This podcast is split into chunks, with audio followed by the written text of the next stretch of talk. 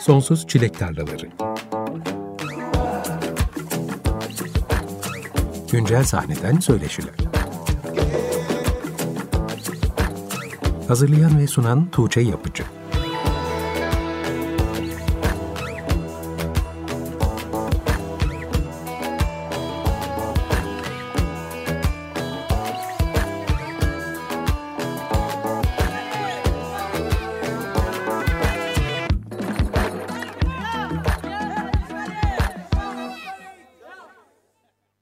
Herkese merhaba. 95.0 Açık Radyo'nun bugün itibariyle başlayan 52. yayın döneminin taptaze programlarından birini dinlemektesiniz. Yeni yayın döneminde ben Tuğçe Yapıcı her pazartesi 20-21 saatleri arasında Sonsuz Çilek Tarlaları programı ile Açık Radyo'da olacağım. Güncel yerli sahneden konuklarımla müzik üzerine kapsamlı söyleşiler gerçekleştireceğim programın ilk konuğu Glass Access. Kendisi yayına son 3 senedir yaşadığı Londra'dan bağlanıyor. Zaten programın açılışında konuğumun sesini duydunuz. Glass Access'in Space is the Place parçası bu akşamki programın açılış parçası oldu. Hoş geldin Melis. Hoş bulduk Tuğçe. Nasılsın? İyiyim ya, sen nasılsın? Ben de iyiyim, çok teşekkür ederim. Senin cephende yeni haberler var. İstersen direkt oradan başlayalım. Oo. İster misin? Öncelikle ya çok hayırlı olsun yeni programın. Çok Eminim teşekkür ederim. Muhteşem şeyler olacak orada da, e, burada da. Gerçekten çok heyecanlıyım. Ben de heyecanlıyım ya. Gerçekten müthiş, e, harika. Ve ilk konuğum olman çok güzel. Senelerdir ya, çünkü seninle bir röportaj yapmak istiyordum radyo programında. Ama son senelerde Londra'da olduğun için hiç denk gelmedi. Çünkü radyoda programları stüdyoda yapıyorduk. Ama şimdi internet üzerinden yapma şansımız var. O yüzden bu şansı değerlendirip hemen ilk konuk olarak seni almak istedim. Ne güzel ki sen de müsaitmişsin. Bugün beraberiz. Ya gerçekten inanılmaz mutlu oldum. Ee, çok teşekkür ederim. Ve tekrar hayırlı olsun. çok teşekkürler. Seni uzun senelerdir Glass Access personanla tanıyoruz aslında. Sanırım ilk röportajımızı da 2016'da yapmıştık. O zaman henüz ilk albümünün bile öncesiydi. Geçen Hı-hı. hafta ise sosyal medya hesapların üzerinden taze bir haber verdin. Bundan sonra yeni bir personan daha olacağını, Melis Uslu ismiyle de şarkılar yayınlayacağını söyledin. Bu senin kendi ismin zaten. Glass Access projesi de hız kaybetmeden devam edecek anladığım kadarıyla. Peki neden yeni bir personaya gerek duydun? Ya şöyle aslında hani genel olarak e, amacım pek bir şey planlamamak üstüne. Çünkü hani gerçekten öncelikle her şeyi planlamaktan bayılmak üzereyim. e, ya çünkü fikir Reddit'teki bu işte throwaway hesaplardan çıktı. Gerçekten bunun Türkçeleştirilmiş hali var mı bilmiyorum. Ama hani biraz oradaki durum şöyle bir kullanıcı var ve yıllardır aynı kullanıcı ismiyle yazıyor. Ee, ama işte başka bir kullanıcı hesabı açıyor bir gün. Çünkü paylaşmak istediği şeyi kendi bilinen e, kullanıcı adıyla paylaşmak istemiyor. Ya ben tabii o kısmından ilham almadım. Ee, yani baştan söylüyorum bu hani Glass Access'in bir nevi yan projesi diye. Yani o önceki zaten hesabı duyuruyorum yani zaten onun diye. Ama hani planladığım yegane şey şu yani Glass Access olduğu gibi duruyor. Ya hatta harıl harıl albümü bitirmeye çalışıyor. işte live projelere çalışıyor. Bir yandan da işte bir türlü böyle paylaşamadığı şeyleri bazen işte yüzde yüz Glass Access olmayan şarkıları diyeceğim. Bazen de bazı ortak projeleri bu yeni Melis Uslu personasıyla paylaşıyor olacak gibi bir şey. Ama hani bütün sosyal medya hesapları aynı. Glass Access. Ee, bu arada inanılmaz. Bazen ben de Glass Access diyemiyorum. Zor gerçekten biraz telaffuz. İnanılmaz yani. Ee, sadece hani dijital platformlarda yeni bir sanatçı adıyla paylaşıyorum Melis Uslu'nun şarkılarını. Ana konu aslında hani benim böyle son zamanlarda paylaşamadığım şarkılar yüzünden böyle canımın sıkılması ve e ben boşuna mı yapıyorum bunları böyle denilen hissin üretimimi aslında etkilemeye başladığını düşünmem galiba. O şekilde böyle bir şey çıktı. evet son dönemde aslında yaptığın işleri yayınlama konusunda epey hızlı davrandın. Pek çok iş yayınladın ama sen çok üretken bir sanatçı olduğun için Zulan'da yayınladıklarının çok daha fazlası olduğunu biliyorum ve bunları paylaşmak için eminim sabırsızlanıyorsundur. Hep ya, hep öyle. Gerçekten bir sürü şey böyle hakikaten galiba o paylaştığım duyuru gibi şeyde söylemiştim. Yani yapıyorum ve bazı şeyleri sonsuz boşluğa bırakıyorum gibi bir şey oluyor. Hani aynı yerde değilim artık yani paylaşamam gibi hissediyorum bazı şeyleri o kadar zaman geçince falan. Evet çok fazla zaman aşımına uğramadan belki mutlaka paylaşıp elinden çıkması gerekiyor ki seni başka işler üretme konusunda özgürleştirmek adına bu doğru bir tercih gibi geliyor bana da. Evet yani bir yandan da hakikaten bazı şarkılar oluyor ki yani artık kafamda bir oturan Access sound'u var ve bazen hani ondan bir tık farklı hissettiriyor. Ya da böyle konsept bir şeyler yapıyorum. Bazı işte ortak projeler oluyor kesinlikle içinde olmak istiyorum ama böyle bir kısmı da hani olamamamın yani direkt birebir Glass Access'le ilgili olmaması oluyor falan. Yani açıkçası böyle diğer şeyleri de paylaşabileceğim bir yol buldum gibi bir şey şimdilik. Bakalım ne olacak. Evet gerçekten son senelerde ben de pek çok sanatçının bu yolu tercih ettiğini görüyorum. Bir projenin isminin yarattığı beklenti sanatçı için zaman içinde kısıtlayıcı olabiliyor sanırım. Bazı durumlarda Evet. üretmek istediğin müzik değişimi oluyor. Bazen de ürettiğin işlerin hepsi tek bir çatı altında toplanamayacak kadar çeşitlilik arz ediyor.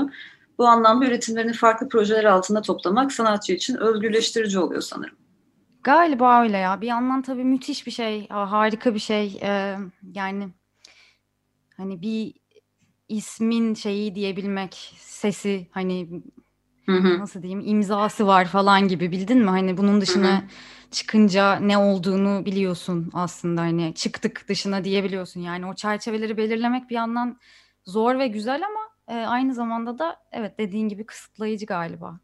Tabii Glass Access aynı zamanda sadece müziğiyle değil, görsel diliyle de çok bütünlüklü bir proje. Bu anlamda da kısıtlayıcı Evet. olabilir senin için. Kesinlikle yani her şeye aynı şekilde zaman ayırıp o artworkleri bilmem neleri üretmeye hı. kalksak zaten hiçbir zaman paylaşamayacağım hiçbir şey yani. Peki fikir oluştuğu anda Vampirler Zombiler isimli Cadılar Bayramı'na özel bir şarkı yapmışsın. Çok çok Evet. taze ve şarkı 30 Ekim'de yayınlandı. Onu da birazdan dinleyeceğiz hatta. Neler söylemek istersin bu şarkıyla ilgili? Ya ben aslında büyük bir böyle korku türü hayranıyım. Ee, geçen yıl geçen yıl değil iki yıl önce hatta işte Dracula'yı paylaşmıştım. Sony Müzik et- e, Epic İstanbul etiketiyle yine Cadılar Bayramı'nda. Hı hı. Bu Melis Uslu projesine karar verdikten gerçekten bir gün falan sonra yani neredeyse geçen hafta Vampirler Zombileri yaptım. İşte 30 Ekim'de çıkacak şekilde. Ee, ve yani gerçekten heyecanlı bir süreç oldu. Bir anda yaptım. Çok seviyorum bu tip böyle hani konsept işleri de. Bir yandan böyle korku çok sevdiğim bir tür olduğu için ekstra bir heyecan yarattı. Yani üretim kısmı bir anda oluverdi. İki günde böyle 160 kanallık falan 15 versiyonlu bir projeyle beynimi yaktım falan. Ondan sonra hemen inanç havasları gönderdim. O sırada işte Orçun'u işinden gücünden ettim. Böyle işte onun kötücül kahkahalarını falan kaydettim. Böyle acayip bir süreç oldu. Hani bir şey gibi, korku tüneli gibi bir şey oldu 3 dakikalık. Demek ki senin gerçekten Glass Access projesi dışında başka bir şeyler üretmeye çok ihtiyacın varmış ki bu kadar hızlı davranmışsın. Galiba ya. Çok bahsettik parçadan dinleyelim istersen. Sonrasında tekrar sohbetimize devam edelim. Glass Access'ten geliyor Vampirler, Zombiler. Melis Uslu'dan dinledik Vampirler ve Zombiler. Eğer bu şarkı Glass Access personasıyla yayınlansaydı da ben çok garipsemezdim açıkçası. Melis Uslu ismiyle diğer yayınlanacak işler çok daha farklı sulara, daha farklı soundlara girecek mi? Girebilir de, Girmeye de bilir. girmeye de bilir. Gerçekten pek bilmiyorum. Böyle çok planlamak istemiyorum hakikaten. Dediğim gibi bir tane daha böyle e, üstüne çok fazla kafa yoracağım bir şeyi böyle önüme ekleyecek olursam, önümdeki tabağa koyacak olursam galiba kafayı yiyeceğim. O yüzden bunu daha böyle şey gibi düşünüyorum. Hakikaten tam ismi gibi böyle Geldiği gibi yaşanacak bir şey gibi. Evet yani yapmak istediğim o sırada e, yan işlerim yani hani yine sevdiğim ve e, Glass Access'le çıkartamayacağım şeyler gibi. Daha özgür ve ihtimallere açık bir proje gibi. Mesela birisi sana geldi hadi bir şey yapalım dedi. Hadi yapalım diyeceğin ya da işte 3 sene önce belki yazdığın bir şarkıyı Zula'dan çıkartıp hadi şimdi şunu yayınlayayım ya da bugün oturdun bir şarkı yazdın hadi bunu yayınlayayım dediğinde çok daha özgür ve hızlı bir şekilde bize ulaştırabileceğin bir proje gibi anlıyorum. Böyle üstüne 700 tane şey düşünmeyeceğim gibi duruyor şu anda yani. Bu arada Umarım çok komik Londra şeylere neden olmaz. Bu Bu arada Londra'ya taşınalı kaç sene oldu? Ben 3 diye hatırlıyorum ama. 3 evet yani ben 2012'de buraya geldim yüksek lisans için ama geri döndüm. 2017'de tekrar taşındım. O zamandan beri sanırım bir defa albüm lansman konserin için İstanbul'a gelmişsin. Onun dışında konser Evet. olmadı hatırladığım kadarıyla. Evet yani konser Türkiye'de konserler kısmında hani benim açımdan açıkçası pandemi dönemiyle de değişen pek bir şey olmadı diyebilirim o yüzden yani sadece e, 2017'de aynen tekrar buraya taşındıktan sonra lansman konseri vardı. Ama işte yani Covid öncesinde de pek mümkün değildi bu yani zorluydu. Çünkü pound'u o zaman da 7 ile falan çarpıyorduk galiba. Şimdi 10 ile çarpıyoruz. Ondan sonra benim gelmem yani hani orada bir konser vermem bayağı e, bütçeleri zorlamaya başlamıştı. E şimdi Covid'le birlikte buradaki konserleri de etkilemeye başladı tabii pandemi. İşte burada konser verebiliyorduk en azından. Onlar pek yok. İnanç da mesela İsveç'te o da gelemiyor haliyle. Hı hı. O yüzden konserler kısmı ama tabii şöyle bir şey var yani pozitif çıkarımlar yapmaya çalışıyorum burada kendi adıma. Çünkü hani online konserlere odaklanıldı bu pandemi sürecinde ve bu da hani aslında bana yeni bakış açıları getirdi bence. İşte albüm bitmeden bir yandan konser projelerinin üstüne çalışmaya başladım. Online videolar, canlı konserler planlıyorum. Böyle bir yandan Twitch kanalı açıp işte oradan canlı yayınlar yapmayı planlıyorum. Sen Yani- pandeminin ilk döneminde de canlı konserler yaptın Instagram üzerinden değil mi? Evet, biraz böyle başlarında yaptım. Hatta akustik, e, çok akustik de bir proje değil aslında Glass Access. Ben de aslında çok akustik enstrümanlarla haşır neşir değilim liseden beri. Ama e, yaptım yani başlarda daha çok yaptım. E, sonra da biraz daha üretime odaklanmaya çalıştım. Şimdi de işte tamamen iyice hızlandırmaya çalışıyorum. Ben hızlandırmaya çalıştıkça her şey yavaşlıyor. Böyle bir şey oldu. Peki pandemi dönemi Londra'da yaşayan bir müzisyen olarak senin için nasıl geçti? Ya evet konserlerin tabii etkilem, etkilenmesi dışında yani pandemi burada da tüm Avrupa'da da Türkiye gibi aldı başını gidiyor. Yani gülüyorum da trajikomik olduğu için herhalde. Yani müzik konusunda hani kişisel deneyimlerim em, aslında vaktim artmadı. Yine çalışıyorum deli gibi ama açıkçası daha böyle yakın, daha odaklı hissediyorum kendimi galiba müziğime karşı şu aralar. Yani albüm uzadıkça uzuyor. E, Hem hani bürokratik kısımları var, hem prodüksiyon kısmı böyle benim azıcık dışıma çıktığı anda, böyle biraz başka değişkenler eklendiği anda böyle proje zaten her proje gibi uzamaya mahkum oluyor. O yüzden zaten hani ben böyle kendi müziğimi yapacağım diye herhalde kalkıp ses mühendisliği okudum diye düşünüyorum. Biraz daha hani böyle kendi kontrolümde olsun diye ama e, yani pandemi ne yaptı tabii bu üretime? İşte hem yavaşlattı yandan- hem hızlandırdı. Hı hı. Bir radyoda çalışıyorsun. Evet ya e, o da aslında nasıl başladı? Yani ben buraya tekrar gelmeyi çok istiyordum zaten hani master'dan sonra. E, orada ama hani stüdyom vardı falan bayağı oturmuş da bir şeyler vardı hali hazırda. Ama hani zaten stüdyo yıkıldı. Hızlandırdık çalışmaları geldik ve hani baştan biliyorduk hani çat diye ben ses mühendisliği e, işi bulamayacağım bir anda burada. E, hemen gerçekten böyle bir bir yerlerde çalışmaya başladım. Hiç mesleğimle alakası olmayan. Abuk sabuk saatlerde falan. Ondan sonra bir yandan ikinci yüksek lisansa başladım. Sonra finansal olarak çok, saçma bir hale geldi o ve onu bıraktım. Ondan sonra deli gibi böyle bir yandan işte para kazanmaya çalışırken iş başvuruları yapıyorum böyle vaktim kaldığı zamanlarda falan. Neyse ki işte 2018 Ekim'de bu e, radyo işi çıktı karşıma ve freelancer olarak orada ben çalışmaya başladım. Ve bu sene de aynı radyoda işte yine freelancer olarak çalışıyorum ama yönetici oldum. Yani böyle müşterilerimden biri aslında bu radyo. İşte orada şovları produce ediyorum. Ekiple hani sürekli bir iletişim, podcastler, bilmem neler. Hani böyle bayağı stresli ama neyse ki kendi mesleğim. Ee, Onun dışında da işte pek çok böyle yine ses mühendisliği işim var. Yine freelance hı hı. olarak.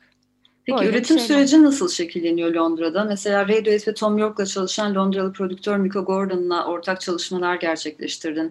Hatta ilk dinlediğimiz parça Space is the Place de bir Miko Gordon ortak çalışmasıydı.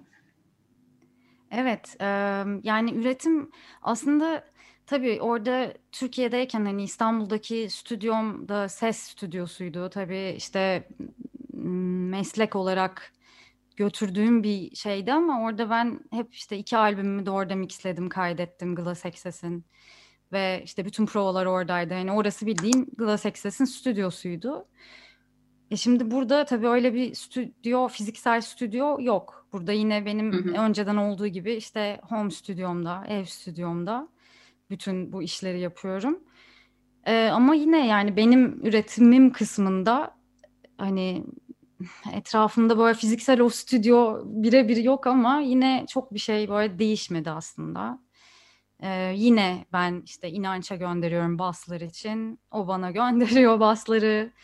Onun dışında işte bütün o altyapıları bilmem neleri yapıyorum. Mikko Gordon kısmı e, çok tatlı bir şekilde gelişti. Yani işte iki şarkı da aslında birlikte çalıştık onunla. Ben ona böyle bir takım şarkılar götürdüm. Ee, ve işte ilgilenir misin birlikte bir şeyler yapsak dedim ve çok sağ olsun çok sevdi ve e, önce bebek bana her şeyi anlatı yaptık. E, onun üstüne Space is the Place yaptık. Ve böyle çok tatlı bir şey oldu. Yani yine zaten hep iletişim halindeyiz. Çok tatlı bir insan. Ee, ve gerçekten çok acayip bir şey yani. Böyle bütün hayatım boyunca ilham kaynağım Radiohead derken bir anda onunla birebir çalışan biriyle ben de çalışma şansı edindim falan. Böyle çok tatlı oldu. Evet gerçekten hep söylerdin Radiohead'i çok sevdiğini. Hatta konserine de gitmiştin oraya taşınmadan önce. Konserine gittim çok hastaydım ya griptim. İzleyememiştim falan. Nasıl bir şanssızlık senelerce Radiohead'i izlemeyi bekleyip gittiğinde de hasta olmak tadını çıkaramamak. Gerçekten ya.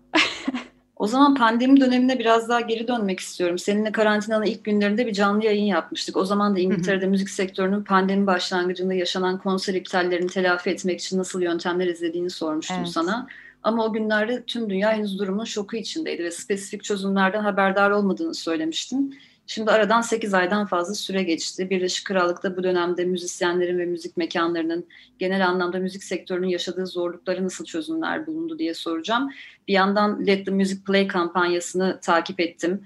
Müzik endüstrisine pandeminin verdiği zararın bir an önce telafi edilmesini talep eden bir kampanyaydı. Hatta çok büyük isimler Radiohead, Nick Cave, PJ Harvey, Coldplay gibi bu kampanyaya destek verdiler. Sosyal medyada insanlar bu hashtag'i kullanarak son gittikleri konserlerden görüntüler paylaştı. Ben tabii tüm bu süreci basından takip etmeye çalışıyorum ama Londra'da yaşayan bir müzisyen olarak senin gözlemlerini çok merak ediyorum.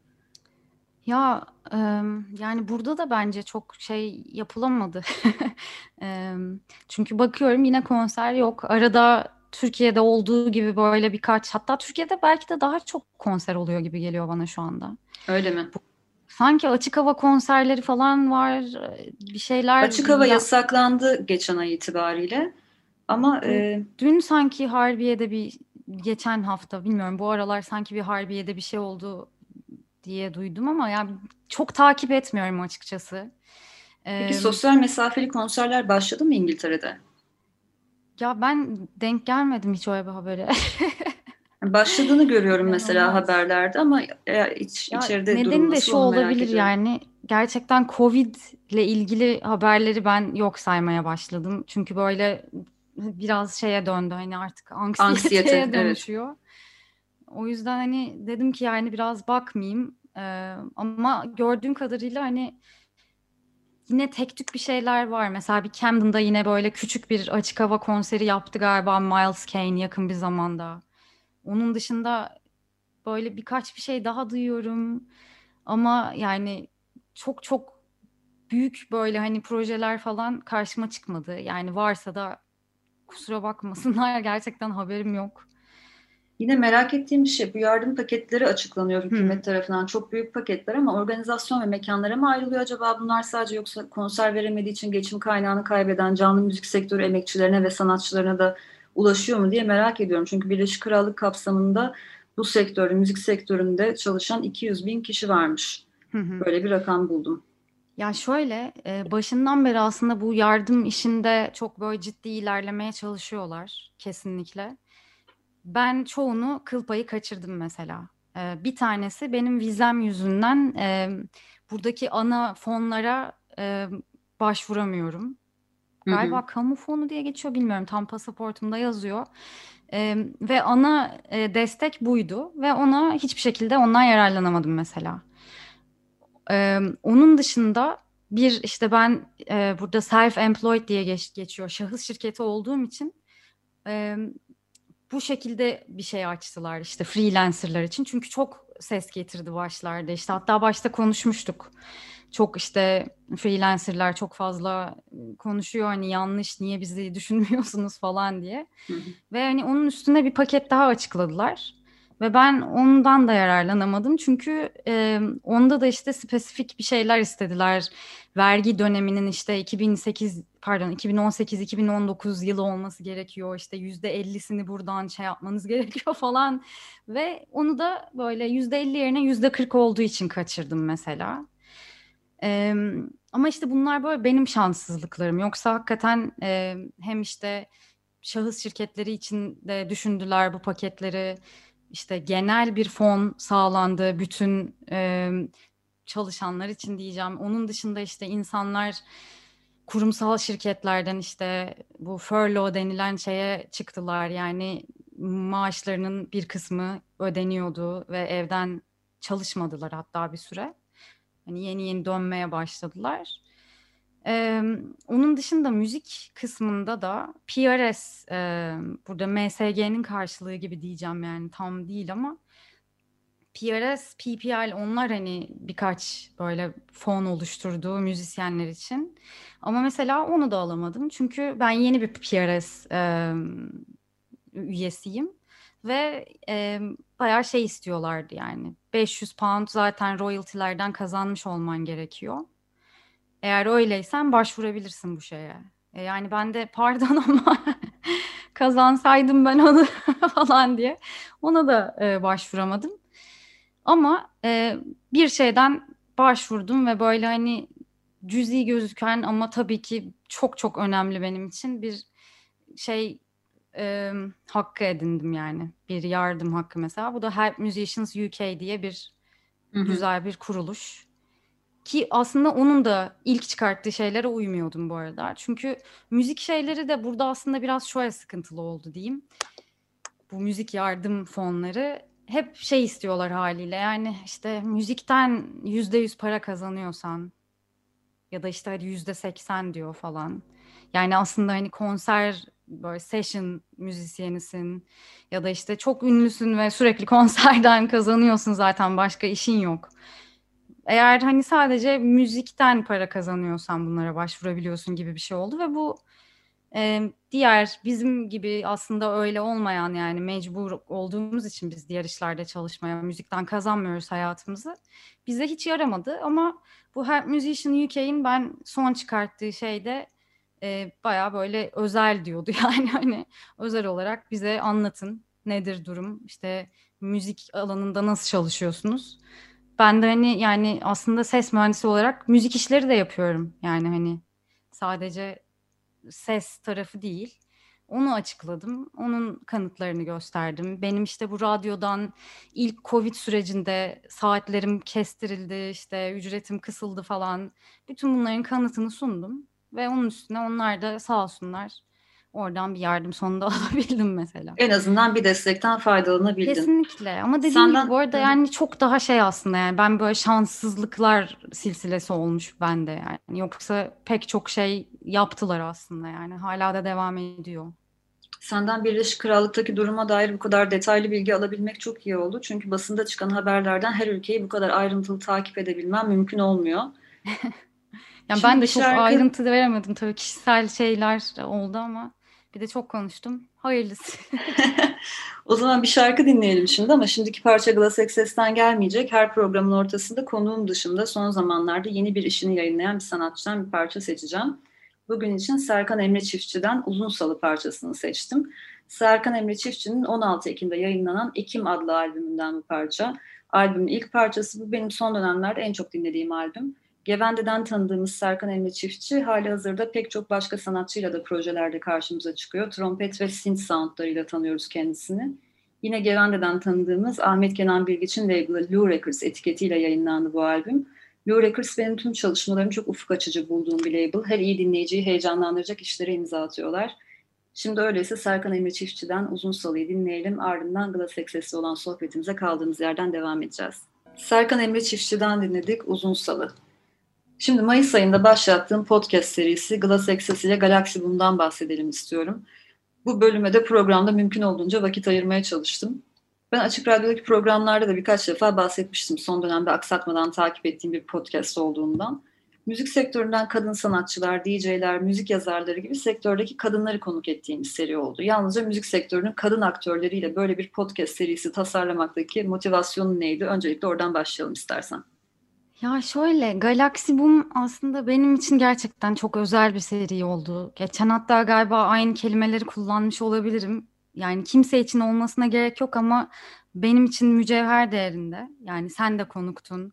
Senin gibi bir sürü muhteşem kadın aktör dediğin gibi endüstriden konuk oldu. 18 bölümdü ve e, bunun dışında hala aklımda bir sürü isim var.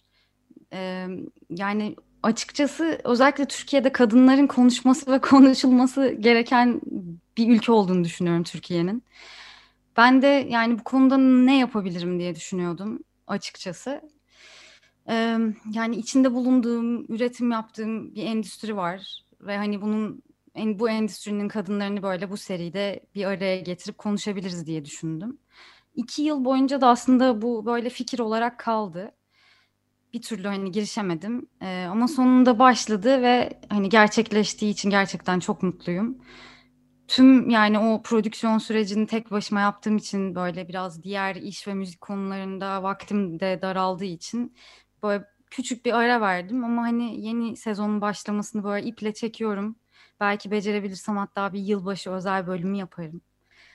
Yılbaşına belki ikinci sezon başlar mı diyorsun? Onu, ondan emin değilim ama büyük ihtimalle e, başlayamayabilir ama e, bir özel bölüm araya yılbaşı için böyle tasarlayabilirsem yapmak istiyorum. Evet 18 bölümün ardından ilk sezon bitti ama Galaxy Boom bitmiş değil. Ben ikinci sezon için sabırsızlıkla bekliyorum. Süper. Ve seni de ara ara teşvik edeceğim tekrar tekrar. evet vallahi teşekkür ederim. Peki tüm konuklarına sorduğum bir soru vardı. Sektörde yaşadığın en cinsiyetçi şey neydi diye. Bu sorunun karşılığında ses kaydı olarak arşive kazınan anlatıların çok değerli olduğunu düşünüyorum. Tabii ki herkes kendi öznel deneyimlerine dayanarak farklı hikayeler anlattı. Bu hikayelerin ortak noktaları da vardı. Spesifik bir hikaye yerine daha genel değerlendirmeler yapan isimler de vardı benim gibi aklına anlatacak hiçbir şey gelmeyen isimler de vardı. Cinsiyetçi bir davranışa tutuma maruz kalmadığını belirtenler de oldu. Hı hı. 18 bölüm boyunca konuklarından aldığın yanıtlar senin için çok tanıdık bildik şeyler miydi? Seni şaşırtan hikayeler oldu mu? Ya da tüm aldığın yanıtların ışığında nasıl çıkarımlar yaptın? Ya mükemmel bir soru gerçekten ya. Ben açıkçası bu kadar yeni şey farkındalığı edineceğimi düşünmemiştim her şeyden önce başlarken. Ya mesela bu kadar çok ortak derdimiz olduğunu bilmiyordum. Ya da en acayibi galiba şunu fark etmek oldu aslında. Pek çok bölümde hani bu muhteşem kadınların işte başınıza bir şey geldi mi cinsiyetçi gelen konuşamadım. Başınıza gelen cinsiyetçi bir hikayeyi anlatır mısınız sorusuna. Önce hani bir kısmının şey demesi hani aklıma gelmiyor senin dediğin gibi. İnanır mısın yok herhalde. Sonra konuşma ilerledikçe bölüm içinde ki hani e, bu soru dışında hiçbir böyle ciddi bir tarafı yok podcast'in. Hiçbir e, seksizmle ilgili hiçbir konu bile yok yani. Sadece bu soru da böyle bir şey var. Hani kimsenin aklına getirmiyorum bile tekrar. Ama e, böyle sonrasında konuşma ilerledikçe bir anda ya bir saniye aklıma şu hikaye geldi aslında. Ya şöyle bir şey yaşamıştım hani böyle cinsiyetçi şeyler yaşıyoruz ya demeleri gerçekten çok şaşırttı ve e, çoğu bu şekilde ilerledi aslında. Yani ben de bunu düşününce aslında farkında bile değiliz yani günlük maruz kaldığımız cinsiyetçi durumların diye düşündüm. Muhtemelen fazlasıyla içselleştirdiğimiz için zaten artık Evet. yaşamadığımızı düşünüyoruz bunu ve aklımıza bile gelmiyor sorulduğunda. Ama ben senin bu konuya e, çok fazla mesai harcadığını biliyorum. Çünkü aslında kadınlardan beklenmeyen nedense her nedense pek çok iş yaptığın için sektörde çok fazla cinsiyetçiliğe maruz kaldın senelerdir. Senin hatta 2018 senesinde yaptığımız röportajda sana şöyle bir soru yöneltmiştim.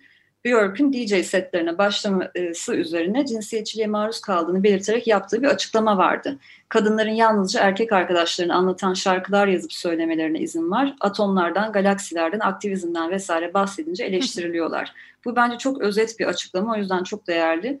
Tüm bunları düşününce senin de müzik sektörünün dayattığı kadın profiline pek uyduğun söylenemez. Bu yüzden cinsiyetçiliğe maruz kaldın oluyor mu diye sormuşum ama bence senin soru biçimin çok daha doğru. Maruz kaldığın en cinsiyetçi şey neydi?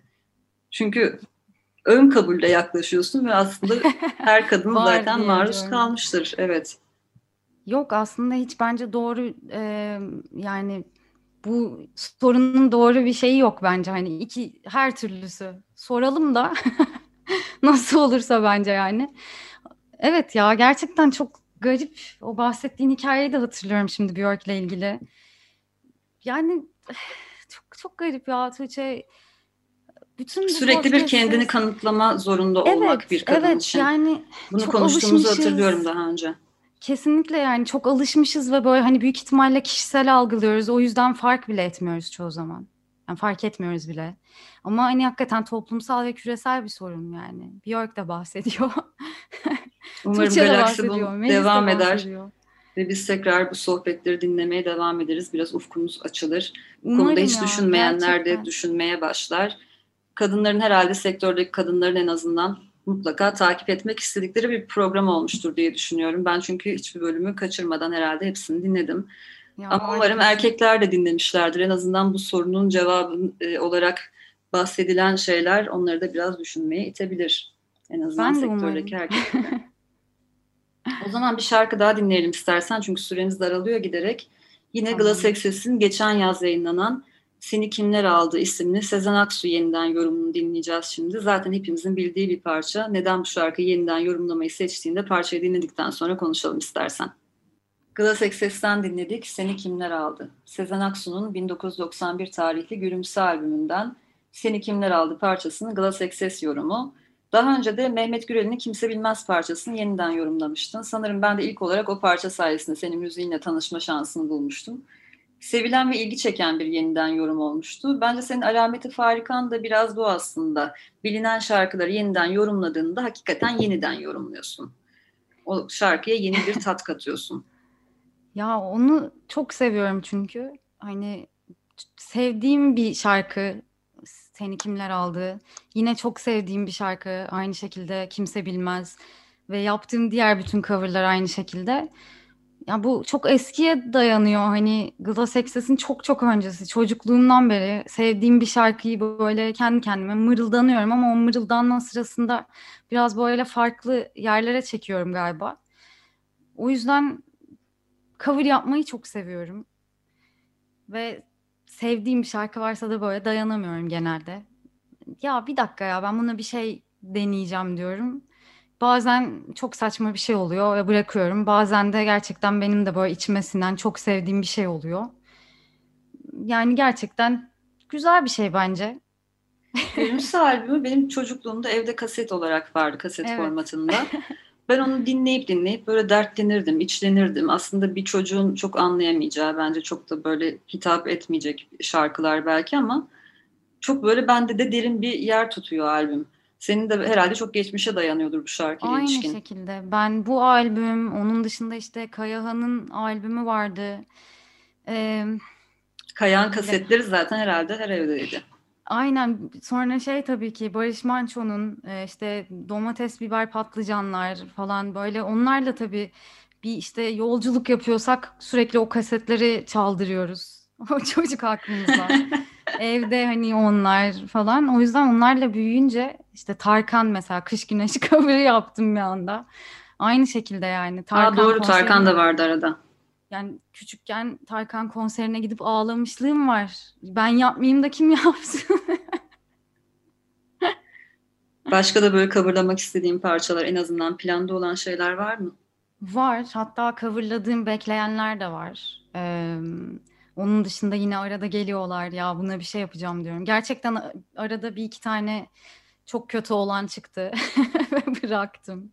Peki hazır bu konuya girmişken programın sonuna da yaklaşıyorken onu da sorayım. Yakın zamanda senden neler duyacağız? Mutfakta neler pişiyor? Mutfakta tamamen albüm pişiyor. Ee, bu aslında vampirler, zombiler, e, Melisuslu ismiyle aradan e, geldi. Korku tüneli şeklinde ve geçti. E, ama hani ben bir yandan bahsettiğim gibi Glass Access'in bu albümüne tam gaz devam ediyorum.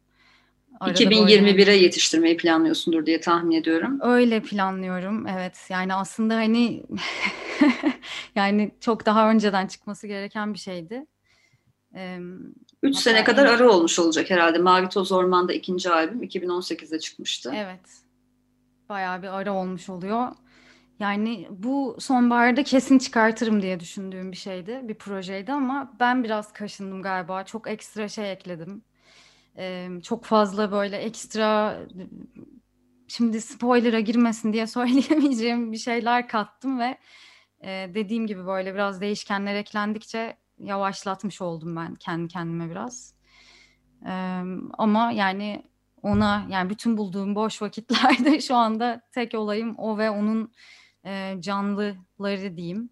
Belki işte albüm öncesinde böyle single paylaşırım. Belki hani onu biraz erkene çekmiş olurum. Tamamen Yine, şu ana kadar duymadığımız yepyeni şarkılar mı olacak albümde? Kesinlikle yepyeni şarkılar, e, yepyeni sürprizler planladığım. Aynı şekilde bunun böyle sürprizli live projeleri ve aralara serpiştirilmiş Melisuslu şarkıları şeklinde böyle bir şeyler düşünüyorum şu anda. Albüm sürecinde araya çok fazla başka iş kattım dedin. Bunlardan bir tanesi herhalde Serkan Çinioğlu ile son dönemde imza attığınız ortak çalışmalardır diye tahmin ediyorum. Kendisi evet. benim senin vesilenle tanıdığım bir isim. Daha sonra İlay ve Sırma ile yaptığı çalışmalar da dikkatimi çekti. Bugün de programın kapanış parçası için Kimse Görmüyor iki adlı ortak çalışmanızı seçtik. Bu işbirliği nasıl başladı? Biraz bahseder misin? Ya tabii şöyle bu şarkı e, ya ben bilmiyordum Serkan'ı. Çok sevdiğim bir arkadaşım dedi ki bir gün e, Serkan iletişime hani bu şekilde iletişime geçirebilir miyim sizi? Ben de tabii dedim. Sonra Serkan altyapıları gönderdi. Bayıldım. Hemen bir şeyler yazıp kaydedip gönderdim. E, ve hatta Serkan Kompel'in bir yarışmasında prodüksiyon birincisi oldu bu şarkıyla. E, klip oldu bir anda sonradan. iki versiyon oldu şarkı klip çıkış hikayesi de aslında çok e, beklenmedik ve tatlı bir şekilde oldu. Müşterek isimli bir şirket işte bir gün kimse görmüyor, duyup çok seviyor ve klip çekmek istediklerini söylüyor ve öyle gelişiyor tamamen. Ee, yani böyle hani biraz ortak projeler şansı oluyor ve son zamanlarda iyice e, vakitsiz kaldığım ve çok e, yapamadığım bir şey. Yani yeni çıkan şeyler aslında bayağı önceden yaptığım, önceden hani çalışmanın sonucu diyeyim. Ee, Ama seviyorsun ortak çalışmalar yapmayı. Çok seviyorum ya. Herkes çok güzel şeyler yapıyor. Böyle iletişime geçince de bayılıyorum. O yüzden hani yapabiliyorsam ne güzel olur yani diyorum. Seninle konuşmak çok güzel. Daha saatlerce konuşabilirim ama maalesef programın sonuna geldik. Hem Glass Access ile hem Melis Usta olarak yayınlayacağın işleri sabırsızlıkla bekliyorum. Bir gün yeniden bir Glass Access konseri izlemenin de hayalini kuruyorum. Herhalde canlı yayınlar izleriz dijital ortamda ama ben fiziksel olarak da izlemenin hayalini kurayım bu arada. Ayrıca Galaxy Boom'un ikinci sezonunu da heyecanla bekliyorum ve dediğim gibi ara ara seni bu konuda teşvik etmek için mesajlar atacağım. Yaşasın ya. Çok teşekkür ederim. Gerçekten ya mükemmelsin. İyi İlk ki böyle bir şey yapıyorsun. için çok teşekkürler Melis. Asıl ben çok teşekkür ederim. Gerçekten hem inanılmaz mutlu oldum ilk konuğun olduğun, olduğum için. Hem de yani Açık Radyo'da böyle yeni bir program. Haydi herkes dinlesin ya mükemmel. Çok, teşekkür çok teşekkürler. Sonsuz Çilek Tarlaları'nın ilk programını bir Glass Access ve Serkan Çineoğlu ortak çalışması olan Kimse Görmüyor 2 ile kapatacağız. Gelecek pazartesi saat 20'de görüşene kadar Açık Radyosuz kalmayın. Bizden sonra Açık Radyo'da yayın Vertigo programıyla devam edecek. Herkese iyi akşamlar.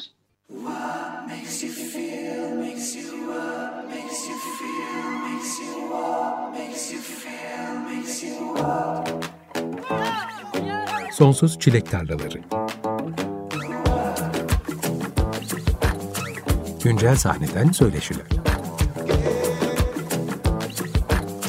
Hazırlayan ve sunan Tuğçe Yapıcı.